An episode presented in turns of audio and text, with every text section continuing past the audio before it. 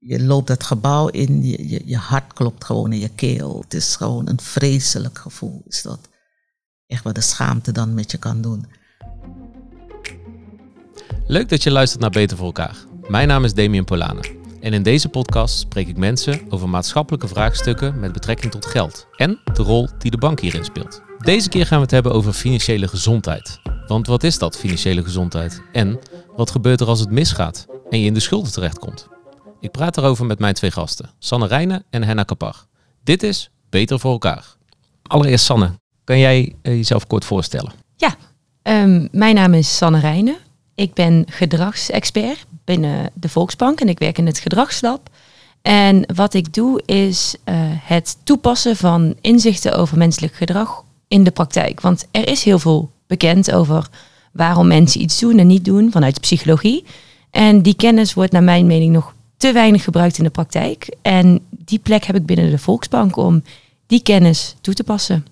Aan mijn andere kant zit Henna. Henna, welkom. Dankjewel. Uh, kan je jezelf kort voorstellen?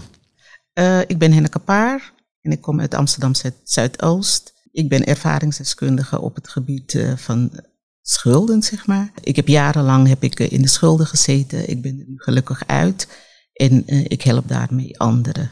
Je zegt ik ben ervaringsdeskundige. Dat betekent dat je dus nou ja, ervaring hebt met schulden. Kan je, kan je ons kort meenemen in um, wat er gebeurd is in jouw leven? Um, in 2010 uh, ben ik mijn baan kwijtgeraakt. En we zaten heel dik in de economische crisis. Ik was al 50. En heel veel mensen die zaten zonder een baan. Ook onder ik. En probeer dan na je vijftigste nog aan een goede baan te komen. Of een redelijk goede baan. Um, dat is me niet gelukt. Toen ik financiële problemen kreeg, raakte ik nog meer in de stress en toen werd ik ziek. Hoe, ging, hoe ging dat verder? Nou, je blijft zoeken en, en, en de schulden stapelden zich op natuurlijk. En je gaat kijken van een, welke schuld kan ik dekken met de andere schuld. En dat is volgens mij het bekende verhaal, iedereen kent dat. En op een gegeven moment lukte dat gewoon niet meer. Dat heb ik gewoon drie jaar volgehouden. En het lukte niet meer. Ja, want ik zag je net even naar Sanne kijken. Met, uh, dat is het bekende verhaal, klopt dat? Uh, herken jij dat? Inderdaad, dat mensen in financiële stress gericht zijn op de korte termijn in plaats van op de lange termijn. Uh, wat betekent dat gaten gevuld worden met gaten, om het zo heel plat te zeggen. En dat lijkt me ontzettend vermoeiend. En dat is in de praktijk ook zo. Ja. ja. En de stress werd me echt te groot. Dus ik moest gewoon hulp vragen. Hoe heb je dat uiteindelijk gedaan? Nou, ik ben gewoon naar uh, de organisatie gegaan die dat uh, allemaal regelt via de gemeente.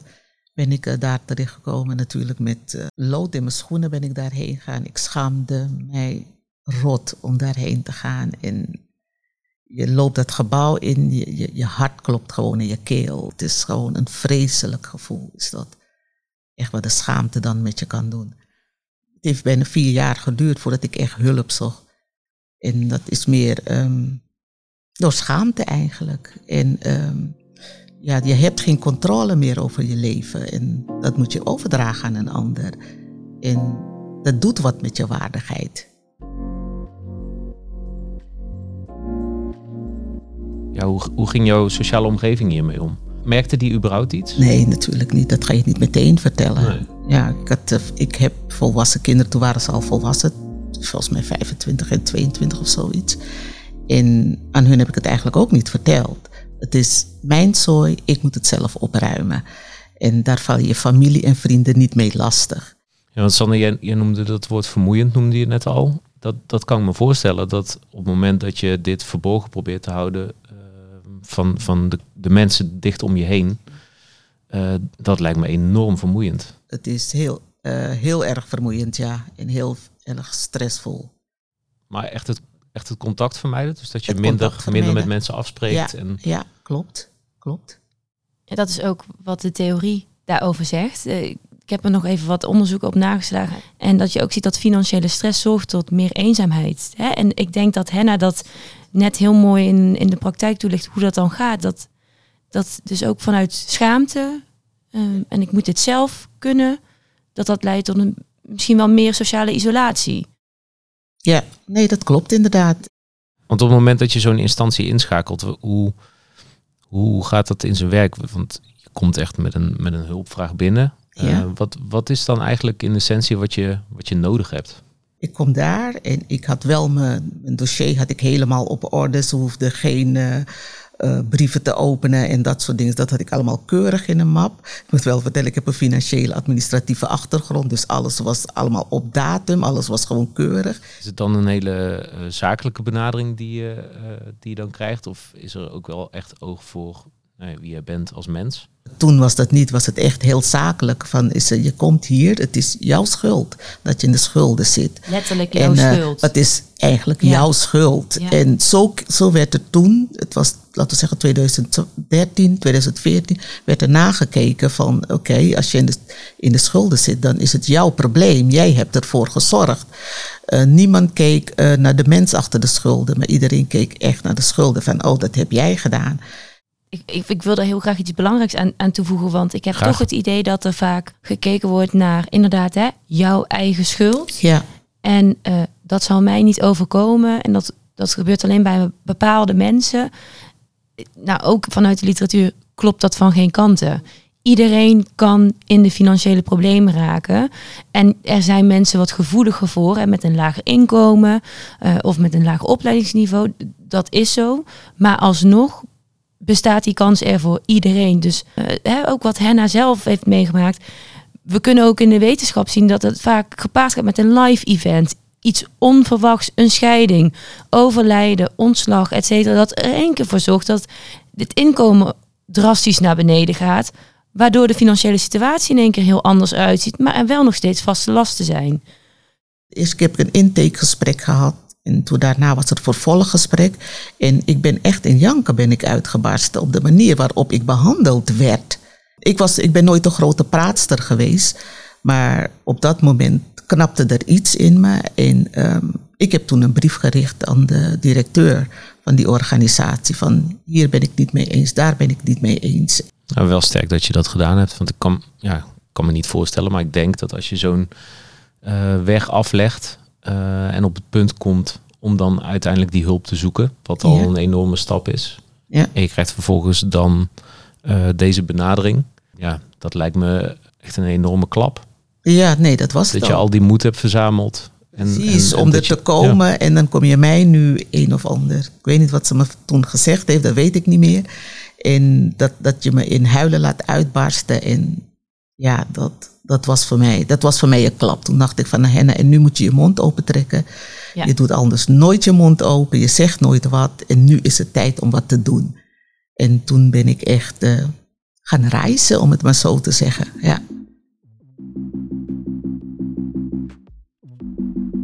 Het is misschien voor de luisteraar nog wel handig om uit te leggen wat financiële stress precies is. Ehm, Sanne, kan jij daar eh, misschien vanuit de wetenschap iets over vertellen? Financiële stress bestaat eigenlijk uit twee componenten. En dat is enerzijds hè, het, het hebben van een geldgebrek, maar daarnaast ook het gevoel dat je grip en controle over de, op de situatie verliest. Dat zorgt dus ook voor, ja, dat zorgt dus echt voor die stress.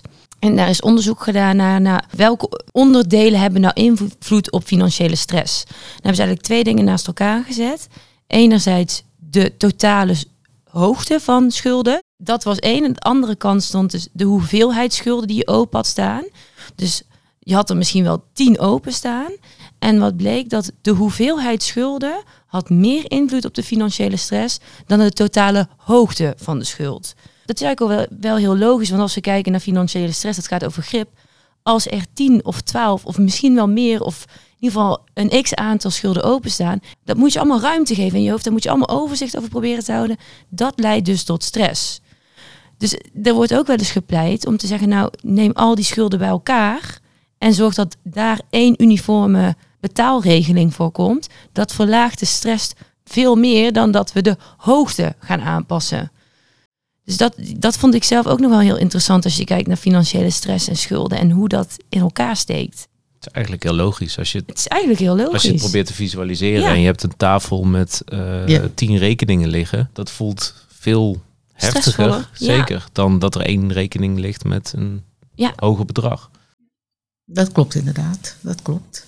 Nou, want je hebt natuurlijk met elke schuld heb je ook weer een andere instantie Ja, eh, waar je afspraken mee maakt. Ja, waar je contact mee hebt. Dus ja, als dat opstapelt in hoeveelheden, ik kan me voorstellen dat die impact veel groter is. ja precies. Ze Ja. kijken naar de aantallen en niet naar eh, Ja.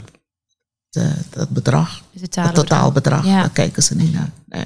En binnen de Volksbank, hoe, eh, hoe wordt daar naar gekeken op dit onderwerp? Nou, daar wordt veel naar gekeken, gelukkig. We hebben dus een, eh, de Hub Financiële Zorg. Dat is eh, het team dat zich bezighoudt met klanten die financiële zorgen hebben. En die, zijn, eh, ja, die zijn bezig om alle brieven opnieuw te herschrijven. Om, omdat zij ook gewoon echt ervaren van... Zij spreken die klanten natuurlijk ook, maar... We, we moeten dat, ja, zij snappen dat zelf denk ik ook niet. Waarom zijn we ooit verzeild geraakt in zulke moeilijke brieven met zoveel jargon? Herken je dat in, in jouw contact met instanties, dat dat eh, in grote lijnen ontbreekt? Eh, ja, nee, dat, eh, dat klopt inderdaad. Als ik een brief voor me heb en ik zie al jargon staan, dan, Ja, dan leg ik het al opzij. Toen, hè? Dan leg ik het al opzij, want dan is het voor mij te moeilijk. En dat, dat heb ik ook bij anderen gezien. Die zeggen van, nou, ik snap helemaal niet wat er staat. Ook bij mijn moeder zag ik dat. Ze van, nou Henna, ik heb een briefje gekregen en ik weet echt niet waar het, waar het over gaat. Zou je me daarbij kunnen helpen? Weet je, dan denk ik van, inderdaad, de brieven zijn te moeilijk voor de mensen om te lezen. Ze moeten daar verandering in brengen. En gelukkig is het, komt er nu wel verandering in. Ja, want wat je aangeeft, doel van de brief is natuurlijk een boodschap overbrengen. Ja, En Ja. op het moment dat jij zegt, ik leg hem naast me neer, of eh, in het geval dat je wordt gevraagd om mee te kijken omdat de boodschap niet begrepen wordt, dan sla je de plank in principe al. precies. Volledig mis. mis. Ja. Ja. Henna, even, even terug naar jou. We hebben net eh, zeg maar het hele pad met je meebewandeld. Gelukkig ben je eruit gekomen. En je hebt toen uiteindelijk besloten om zeg maar alles wat je daarin mee hebt gemaakt op dat pad op een hele positieve manier in te zetten. Kan je, kan je daar iets over vertellen? Want je bent een, eh, uiteindelijk een project gestart. Ja. Ehm, ik heb een project gestart, eh, dat heet Schulden en Emoties. En ehm, dat is eigenlijk een vierdelige workshop die ik eh, dan geef in, dat, in buurthuizen. Hoe ben je op dat idee gekomen? Ehm, omdat ik dacht van, nou oké, ik kan gaan zitten en de mensen wat vertellen. Ik kan het in een grote groep van gaan vertellen, de mensen horen me aan en ze gaan weer weg. Maar als je het in kleine groepen doet, dan blijft er wat hangen. En vier weken achter één, soms is het nog te kort, want sommige mensen komen dan weer voor een tweede sessie. Ehm, dan blijft er ook meer hangen en dan nemen ze in ieder geval het initiatief om iets te doen. Dat beweegt ze. is dat ook het doel van die workshops? Dat is, ja, dat is Ja. mijn doel. Dat is Ja. mijn ultieme doel. Ja, ik wil ze ook bewegen om wat in de wijk te doen. Om wat voor een ander te doen. En, en wat voor mensen eh, vind je terug in, in je workshop? Nou, soms, soms echt mensen die in de schulden zitten. Of anderen die eh er tegenaan schuren, om het maar zo te zeggen. En ook anderen die het gewoon interessant vinden.